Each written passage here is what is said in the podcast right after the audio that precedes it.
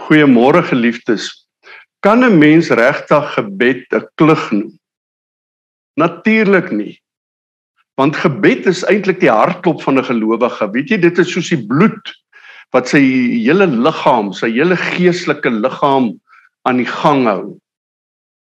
Uh, want as 'n mens nou mooi gaan sit en dink, is gebed eintlik die enigste manier hoe ons van ons kant af met God direk kontak kan maak. En daarom sê uh jy weet die mense dat geloof is 'n gebed is eintlik die ding wat jou geestelike lewe aan die gang hou omdat jy op die manier met God kontak kan maak. Maar die verstommende is dat ons hierdie kragtige manier het om met God kontak te maak, maar tog leef ons dikwels in 'n in 'n golf van biddeloosheid. Dat mense nie bid nie. Hulle sal baie maklik vir jou sê, uh ek bid vir jou as jy vir hulle sê ek het hierdie probleem of daai probleem. Nee, ek bid vir jou sê hulle. Maar as jy mooi gaan kyk en miskien uh, is jy self skuldig of ek self skuldig daaraan as jy mooi gaan kyk, dan bid daai mense nie. Hoekom nie? Eintlik dink hulle nie dit gaan help nie. Eintlik dink hulle of hulle nou gaan bid of nie bid nie, die die goed gaan mos maar eintlik gebeur soos dit gebeur. Hulle glo nie regtig dat hulle gebed enige verskil kan maak nie. Aan die ander kant kry jy weer mense wat sê, weet jy, ek is nou regtig kwaad vir God. Want toe ek in 'n krisis was, het ek vir God gevra en dan bedoel hulle eintlik gesê dat hy dit en dit moet doen. En ek het deur daai krisis gegaan en God het nie gedoen wat ek gesê het nie. En weet julle wat? Ek is nou kwaad vir hom. En jy sal verbaas wees hoeveel mense sê dit en se houding is dit dat dat hulle eintlik sien of gebed sien as iets wat hulle kan gebruik om God te dwing om sekere dinge vir hulle te doen. En as God nie reageer nie, dan is hulle kwaad. So hulle het 'n idee van gebed as 'n manipulasiemiddel, as 'n manier waarop God volgens hulle pype moet dans. En dis natuurlik nie hoe gebed is nie. Ehm uh, nou maar hoe is gebed dan? Kom ons kyk na 'n paar verse en dan kyk ons wat sê die Bybel is gebed eintlik. Want ek dink beide die voorbeelde wat ek genoem het is uh, eintlik teen die hele idee van wat gebed in werklikheid is. En kom ons begin by Matteus 6 en dan lees ons vers 7. Wanneer jy bid, moet jy nie soos die heidene 'n stortvloed van woorde gebruik nie. Hulle verbeel hulle hulle gebede sal verhoor word omdat hulle baie woorde gebruik. Moet dan nie soos hulle maak nie. En hoor nou, want julle Vader weet wat julle nodig het nog voordat julle dit van hom gevra het. En as ons nou na 'n paar ander verse kyk, kom ons kyk na Johannes 16 vers 23. Dit verseker ek julle wat julle ook al die Vader in my naam sal bid, sal hy vir julle gee. En nou wil ek hê jy moet mooi kyk, wat julle ook al die Vader in my naam sal bid in my naam. Kom ons gaan kyk wat sê uh die brief van Johannes, 1 Johannes 5 vers 14 en 15 staan daar.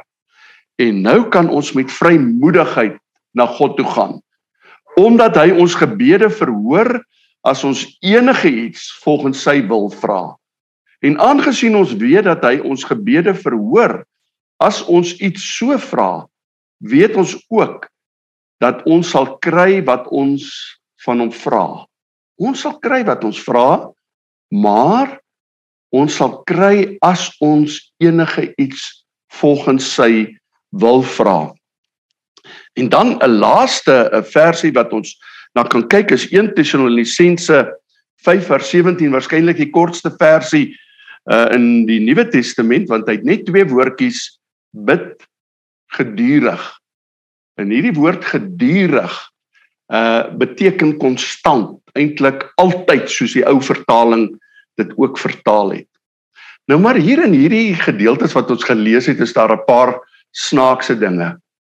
Die eerste is dat God weet vooraf wat ons wil uh, vra. Maar tog sê ons moet dit vra. As hy dit dan weet, hoekom moet ons dan vra? Aan die ander kant, as ons iets volgens God se wil vra, dit het ons op 'n paar plekke gelees en dis eintlik deurgaans in die Nuwe Testament die ondertoon ons moet volgens God se wil vra. Hoekom moet ons dan nog eintlik bid?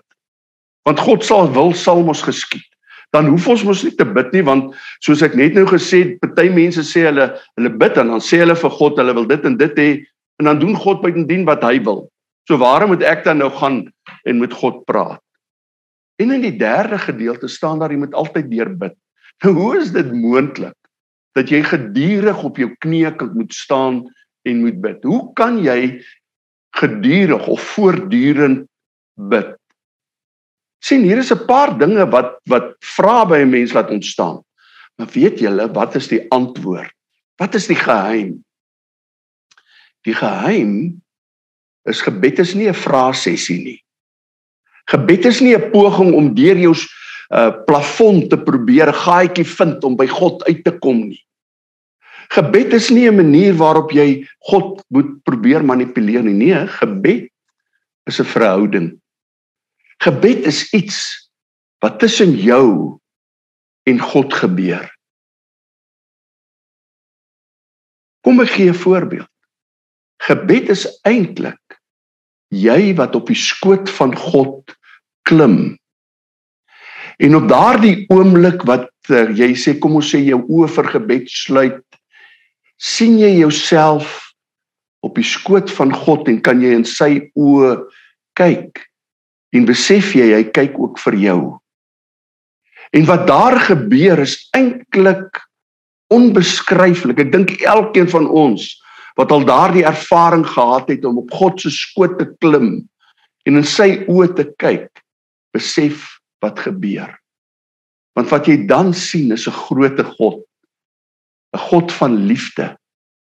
Daai God wat gesê het ek stuur my seun vir jou Jy sien 'n God van genade wat vir jou sê ek weet jy val soms en struikel. Maar my hand is daar vir jou. Ek tel jou op deur my genade. Dis die God wat vir jou beloof het dat jy vir ewig saam met hom kan uh, woon in sy heerlikheid. Geliefdes, het jy al ooit besef as jy so met gebed begin Wie is hierdie Here op wie se skoot jy sit? Want dit oorweldig my telkens. Want dit laat myself ook na myself kyk. Wie ek is, hoe klein ek is, hoe gebroke ek is. Hoe ek onverdiend op God se skoot mag sit omdat min wat ek doen regtig by God se standaarde uitkom. Met ander woorde, God se teenwoordigheid maak dit ook vir my moontlik om myself beter te leer ken. Daarom staan daar voordat ek nog begin bid, weet God reeds wat hy vra want hy ken my. Maar hy wil hê ek moet daardie oomblik van eenheid met hom, van sy teenwoordigheid as deel van my lewe ervaar dat ek nooit 'n oomblik sonder hom sal wil wees nie. Daarom gaan dit nie vir hom oor wat ek gaan vra nie, maar gaan dit vir hom oor wie ek is op daardie oomblik wat ek op sy skoot sit. Wie ek besef ek moet wees. Maar dan staan daar ook in van die gedeeltes wat ons gelees het, ons moet volgens God se wil vra. En dit gaan outomaties gebeur as jy God in die oë kyk En jy sê vir God, punt nommer 1 ek wil dit, punt nommer 2 ek wil dit, punt nommer 3 ek wil dit, gaan jy besef dit kan jy nie doen nie.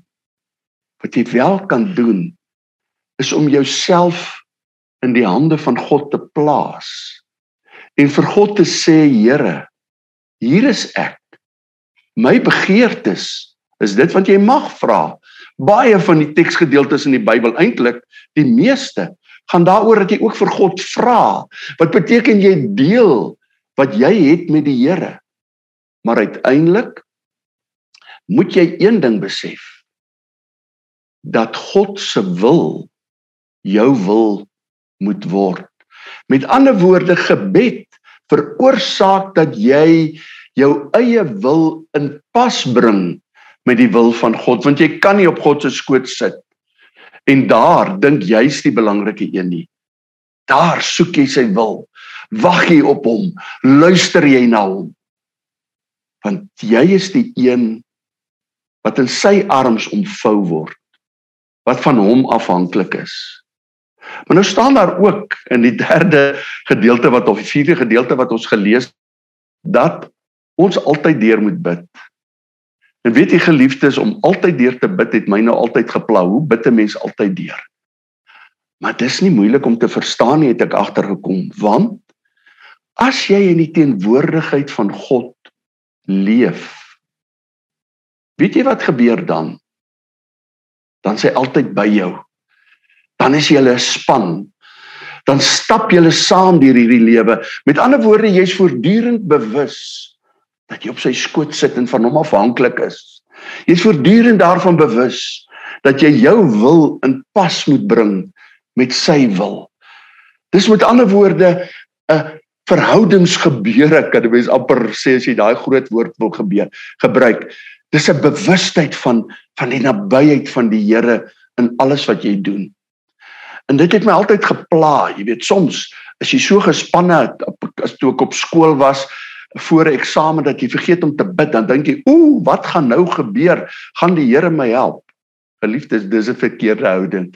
Want as jy altyd deur bid, met ander woorde as jy altyd deur in teenwoordigheid van God leef en bewus is van sy teenwoordigheid in dit wat jy doen, is jou lewe eintlik altyd 'n gebed. Altyd in afhanklikheid van God. Altyd 'n kyk in sy oë, altyd kommunikasie met hom. Nou geliefdes, ons praat baie van die krag van gebed. Ons lees gedeeltes wat sê die die gebed van 'n gelowige het groot krag. En dan oombliklik interpreteer ons dit dat as ek bid, gaan ek berge versit, want daar is mos sulke verse in die Bybel. My gebed gaan dinge verander. En daarom word party mense kwaad as hulle agterkom. Dis nie hulle en hulle gebed uh wat die dinge verander nie maar dat die krag van gebed elders lê. En een van die mooiste gedeeltes wat dit uitdruk. En ek moet sê hierdie gedeelte het al in my lewe groot invloed uitgeoefen wat my telkens herhaal waar die krag van gebed lê. En dit kom uit Filippense 4 vanaf vers 7. En nou wil ek net miskien so bietjie agtergrond gee van Filippense Paulus was in groot moeilikheid toe hy hierdie boek geskryf het. Hy was daar in die tronk waarskynlik uh in Caesarea of in, Rome dalk. Ons weet nie presies nie. Maar dit het met hom sleg gegaan. Hy het eintlik sien ons in die eerste hoofstuk gedink hy gaan dit nie maak nie. Hulle gaan hom doodmaak. Hulle gaan hom verhoor en dan teregstel. Want hy sê ek is reg om die Here te ontmoet. Eintlik wil ek hom graag ontmoet. Dis nie vir my 'n bedreiging nie. Verder het hy kom ons ook nog daarin hoofstuk 1 en 2 kom ons agter dat hy in sy gemeente daan Filippi baie probleme opgetel het omdat daar ander dominees aangekom het, ander sendelinge. En hulle het hom bietjie uh, sleg gemaak. Hulle kwaad gepraat van hom en van sy gemeentelede het toe agter hierdie klomp dominees aangeloop. Met ander woorde sy gemeente was so bietjie op onstabiele uh voet, né? Dit het nie goed gegaan nie. Maar wat sê Paulus? In hierdie brief waar waar waar hy persoonlik oor hierdie probleme van hom praat, waar hy regtig waar kan mense het nie diep in die probleme was. Kom hy en sê verbly jou, verbly jou in die Here. Dit lees ons byvoorbeeld in uh, hoofstuk 4 vers 4. Maar in hoofstuk 4 vers 13 lees ons ek is tot alles in staat deur Christus wat my krag gee. En weet julle waar hy sy geheim? 'n Paar verse terug in hoofstuk 4 vers 7 en ek lees dit vir julle. Ehm um, ja eintlik ek lees van vers 6 af. Moet oor niks besorg wees nie.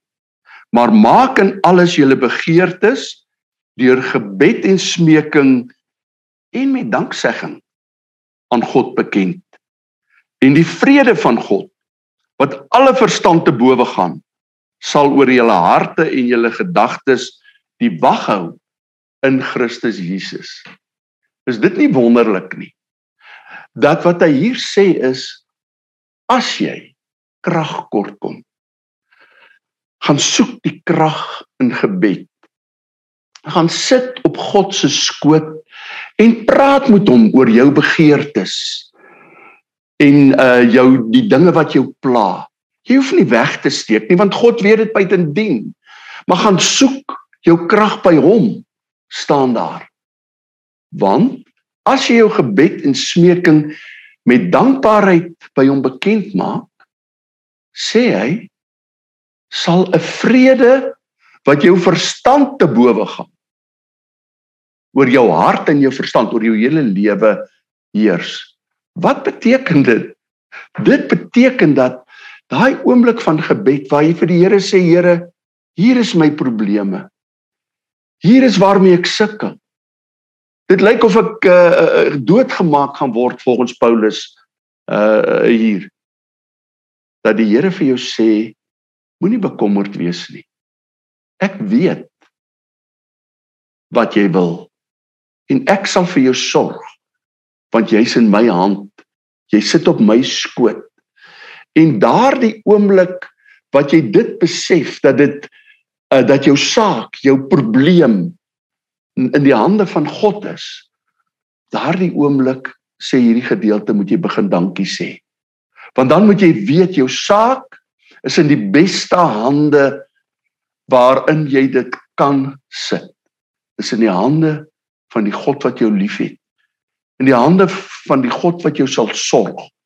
In die hande van die God wat sê niks sal vir jou te veel wees nie.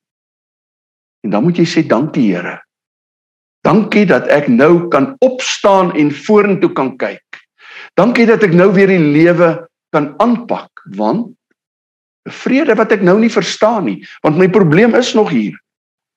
Daardie vrede vul my hele lewe, 'n Godsvrede, 'n vrede wat my vertroue uitspreek teenoor God want jy sal nie vrede hê as jy God nie vertrou nie. Maar jy sal vrede hê as jy weet dis in die hande van God. En wat ook al nou gebeur, sal ek aanvaar as komende ook uit die hand van my Vader wat my liefhet. Met die wete dat hy ook sy krag vir my sal gee om daardeur te kom as dit met my moeilik gaan. Maar uiteindelik weet ek sy hand hou my vas. En weet julle geliefdes, dikwels of miskien minder dikwels in party mense se lewens. Maar dikwels het ek al gevoel, Here, waar jy nou? En dit al gebed wat 'n mens eintlik kan bid is hy sê Here, hou my vas. Druk my vas op hierdie oomblik want self kan ek nie verder gaan nie. En op daai oomblik wat jy die Here se se hande om jou voel, daardie oomblik kom daar 'n krag wat alle verstand te bowe gaan. Daai krag wat Paulus sê wat maak dat ek vir alles kans kan sien. En geliefdes, 'n belangrike punt wat Jakobus vir ons sterk beklemtoon sommer so in die eerste verse van sy boek hoof Jakobus 1:6 sê hy moenie twyfel as jy bid nie. Want dan word jy soos 'n skip wat op 'n golwende see vaar. Nou sien jy hom en dan sien jy hom nie. En nou lyk dit of hy weg is en dan nie. Sê so praat jy nie met die Here nie. Jy kan nie vir die Here sê help my. Sê Here, ag dink nie ek gaan dit doen nie. Maar maar help ek, jy gaan nie doen nie. Geliefde, so kan jy nie lewe nie. Jy moet lewe sonder twyfel met hierdie volle vertroue op God. En weet jy wat help? Om op God se skoot te sit. Om in sy oë te kyk om dit elke dag te doen. Maar om jy af te sluit moet ek noem dat gebed kan gevaarlik wees. Ons lees in Kolossense 1 uh vers 9 en 10 die volgende. Paulus sê ek bid elke dag uh en ek hou nie op om vir julle te bid nie. Hy sê ons vra God dat julle deur al die wysheid en insig wat die Gees gee tot volle kennis kan kom van wat sy wil. So hy bid dat hulle God beter en beter sal verstaan dat hulle op sy skoot sal sit en hom sal vasdruk en dan sê hy Ehm uh, ons bid dat julle tot eer van die Here sal lewe deur net te doen wat hy verlang. En as jy so op die Here se skoot sit en hom beter leer ken, dan weet jy in hierdie wêreld hoe om op te staan en te lewe volgens sy wil. En dan begin hy weer en hy sê: "Mag julle vrugte dra deur goeie werke." Dan er hierdie lewe van julle in die uh, uh, in die kennis van God. Mag dit maak dat julle meer en meer leef soos hy wil en dan sê hy mag julle toeneem in die kennis van God. As jy so lewe vir God, omdat jy op sy skoot sit, mag dit gebeur dat jy meer en meer op die Here se skoot wil sit en bly sit en julle krag uit sy teenwoordigheid sal put. Geliefdes, maar dan kom die verrassing. Hierdie is in hoofstuk 1 vers 9 en 10. Die res van hierdie brief van Kolossense. Kom Paulus dan dan sê hy vir hulle hoe hulle hulle kennis moet verbeter. Dat hulle moet besef wie Jesus is. Dat hulle van nader moet kyk wat Jesus vir hulle gedoen het. Dat hulle dit toeëien en 'n deel van hulle lewe moet maak. Dan vertel hy vir hulle hoe lyk 'n lewe van vrug en hy moedig hulle aan om lief te hê en vrede te bewaar. Met ander woorde, wat doen hy? Hy bid vir kennis van God in 'n goeie lewe. En dan kom hy en sê, weet julle wie moet hierdie gebed waar maak? Julle. Julle moet God soek deur meer en meer kennis oor hom te probeer kry. Julle moet deur nader en nader aan hom te leef, meer en meer te doen wat sy wil is. Julle moet dit gebruik om hom beter te leer ken. So hy betrek daai gelowiges by hulle eie gebed. Om daai gebed waar te maak, moet hulle doen wat hulle gevra het. En nou geliefdes, jy mag vra, Here, help my in my huweliksverhouding. En dan sit jy en wag dat die Here nou soos 'n towerstaf daai huwelik reg getoer. Nee, nee, geliefdes. Die Here mag na jou toe kom en vir jou sê, "Wat moet jy doen? Wat kan jy doen om daardie huwelik reg te maak of daardie verhouding met jou kind of die verhouding by die werk. Jy is die een wat jou gebed dat die Here in daardie verhoudings moet intree. Jy is die een wat daardie gebed moet waarmaak. Waarom? Omdat jy op God se skoot sit. Sy liefde ken, sy genade ken en jy daardie genade in daardie verhoudings kan indra. Of as jy iemand sien wat nie uh, wat sukkel of wat nie kos het nie, nou ons kan nie vir almal sorg nie, maar iemand op wie uh uh, uh of uh, wie die Here op jou hart gelê. As jy daai persoon sien en en jy bid Here help ook tog vir daai persoon. Dan mag die Here op jou knoppie druk. Vir jou sê jy moet dit doen. Dis jou taak om dit te doen. So bid kan gevaarlik wees omdat die Here ook jou vertrou om sy wil in hierdie wêreld te laat geskied. Geliefdes, gebed is die hartklop van die gelowige. Dit is die bloed wat ons geestelike lewens aan die gang hou. Omdat dit ons manier is om op die skoot van God te sit. Moenie leef asof gebed vir jou 'n klug is nie of asof jy nie dink dit werk nie. Nee, gebed is nooit 'n klug nie. Want dit gaan oor jy wat op die lewende God se skoot sit. Sy arms om jou kan voel en jou arms om hom kan slaan. Kom ons bid. Here, hoe wonderlik, wonderlik, wonderlik is dit nie om op u skoot te mag sit u in die oë te kyk u arms om ons te voel en ons arms om u te mag slaan ons loof u daarvoor Here. Amen